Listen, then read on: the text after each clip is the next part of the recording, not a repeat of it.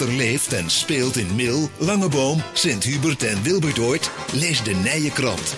Bezoek in mil.nl en luister naar het 12 uurtje bij LOM Radio. Zo is dat. En in de, die mediavormen die u net hoorde, daar uh, las u wel in dat we sinds een tijdje de ontmoeting kunnen vinden aan uh, de hoek.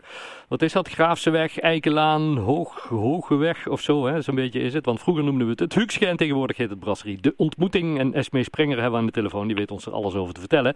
Want die mag daar de uitbater zijn. Esmee, welkom in het, in het 12 uurtje. Um, ja, de, de Brasserie, de ontmoeting. Want hoe lang ben je nu actief daar? Uh, ja, sinds 8 juli zijn we echt uh, vier dagen in de week open. Van donderdag tot en met zondag. Van mm -hmm. 10 tot 10. Ja. Dus, uh, en daarvoor waren we al bezig met een coffee to go en een, het voorbereiding. Maar sinds we echt, echt open zijn, 8 juli. Ja, en, en hoe is dit idee ontstaan om daar op die mooie locatie de ontmoeting te beginnen?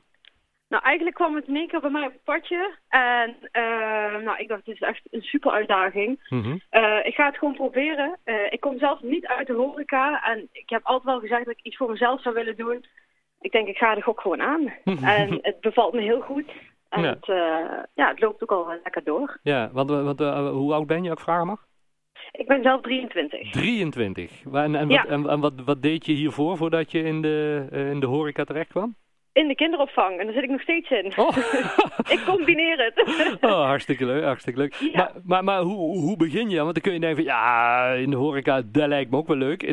Mij lijkt in de horeca ook leuk, maar dan vooral aan de bar, eh, zeg maar, niet per se erachter. maar maar, maar hoe, hoe, hoe begin je dan daaraan? Want het is, ja, het is een gigantisch pand ook, hè? Ja, klopt inderdaad. Nou, we, zeg, we hebben gezegd, uh, we beginnen gewoon lekker klein. Mhm. Uh, wij hebben dan ook het linkergedeelte van het uh, gebouw gepakt. Dat heette vroeger de pub. Dus dat zouden heel veel mensen wel ken kennen, Ja. uit Lange Boom en omgeving. Ja. Uh, dat is het gedeelte waar we nu in beginnen.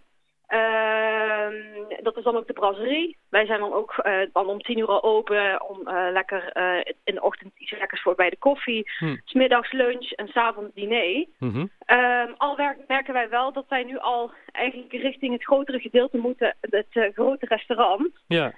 Omdat het geregeld best wel vol zit. En als het dan minder mooi weer zit, dan zit iedereen binnen en dan past het al niet meer. Ja. Ah. Ehm, dus wij zijn ook met een streven bezig dat wij binnenkort uh, het grote restaurant in willen. Oktober, november ongeveer. En dan gaan wij uh, Rodicio-stijl uitvoeren. Dat is een heel ander concept dan à la carte wat we nu hebben. Wat, wat, wat gaan we dan uitvoeren? Uh, Rodicio-stijl. Dat is Oh. Braziliaans eten. Ja. Um, vooral echt op vlees gericht. En uh, we willen ook sushi daarbij doen. Uh, Oh. Caribisch sushi.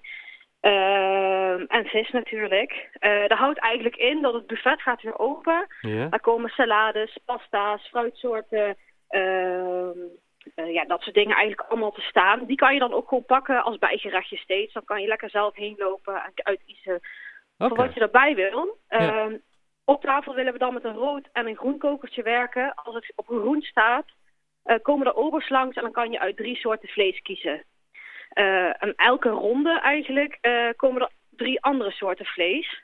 Uh, of je moet voor het concept sushi hebben gekozen en dan kan je steeds voor andere sushi kiezen. Ah, Oké. Uh, ja, dat is eigenlijk het concept wat we willen uit gaan voeren in het grote restaurant. Ja, en, en vanaf wanneer is dat de bedoeling? Ja, ok- oktober, november. We zijn echt een beetje aan het kijken van... Ja. Uh, ja, we moeten natuurlijk nog kijken wat is nou slim, hoe gaan we dit doen, hoe gaan we Ja. dat doen. Uh, dus daar zijn we nu even over aan het sparren en dan uh, uiteindelijk is dat de bedoeling. Ja, en, en je zit natuurlijk nu ook met, met, met corona, dus je weet ook niet precies wat kan wanneer wel en wat kan wanneer niet. Hè? Ja, ja. ja hoeveel mensen mogen naar binnen? Ja. Nog steeds anderhalve meter natuurlijk. Ja. Ja.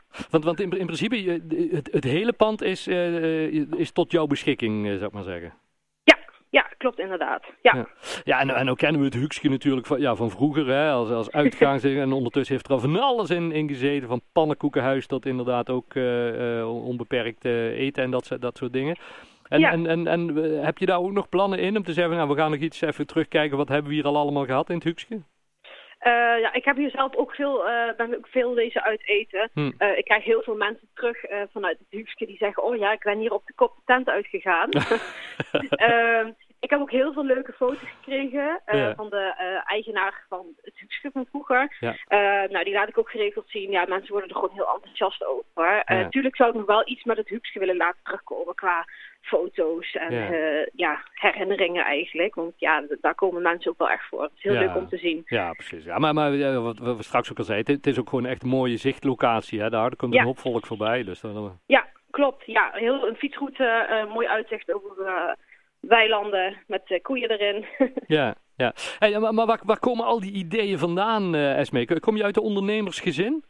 Eh, ja, daar kom ik zeker. Maar verder doe ik eigenlijk bijna, eh, bespreek ik echt heel veel met mijn kok, Andrew. Ja. Ehm, die heeft ook al, ja, die heeft heel veel zicht op dingen. En met hem zet ik eigenlijk bijna alles in elkaar qua eten. Ik heb hem ook het helemaal het handje gegeven over hoe wil je de menukaart eruit te laten zien. Ja. Dat is een Arubaanse man en die kan echt super supergoed koken. Ja. Ah, En fantastisch. eh, ja, met hem bespreek ik eigenlijk heel erg veel en doe ik heel erg veel. Ja. Eh, en met mijn schoonmoeder eh, Carola, die eh, helpt mij ook echt met alles. Die komt wel uit de horeca. ja. En ehm, ja, door haar eh, kan ik ook wel goed eh, hier eh, Ja. ja, blijven staan. Ja, ja, ja, want je moet op een gegeven moment ook, ook, ook eh, wat je zegt, hè, we beginnen nu met, met, met, of we zijn nu aan de gang met de brasserie, dus te kijken van hoe loopt het dan, maar je moet ook een beetje Ja. aftasten van ja, waar, waar zitten behoeftes en waar zitten de gaten in de markt.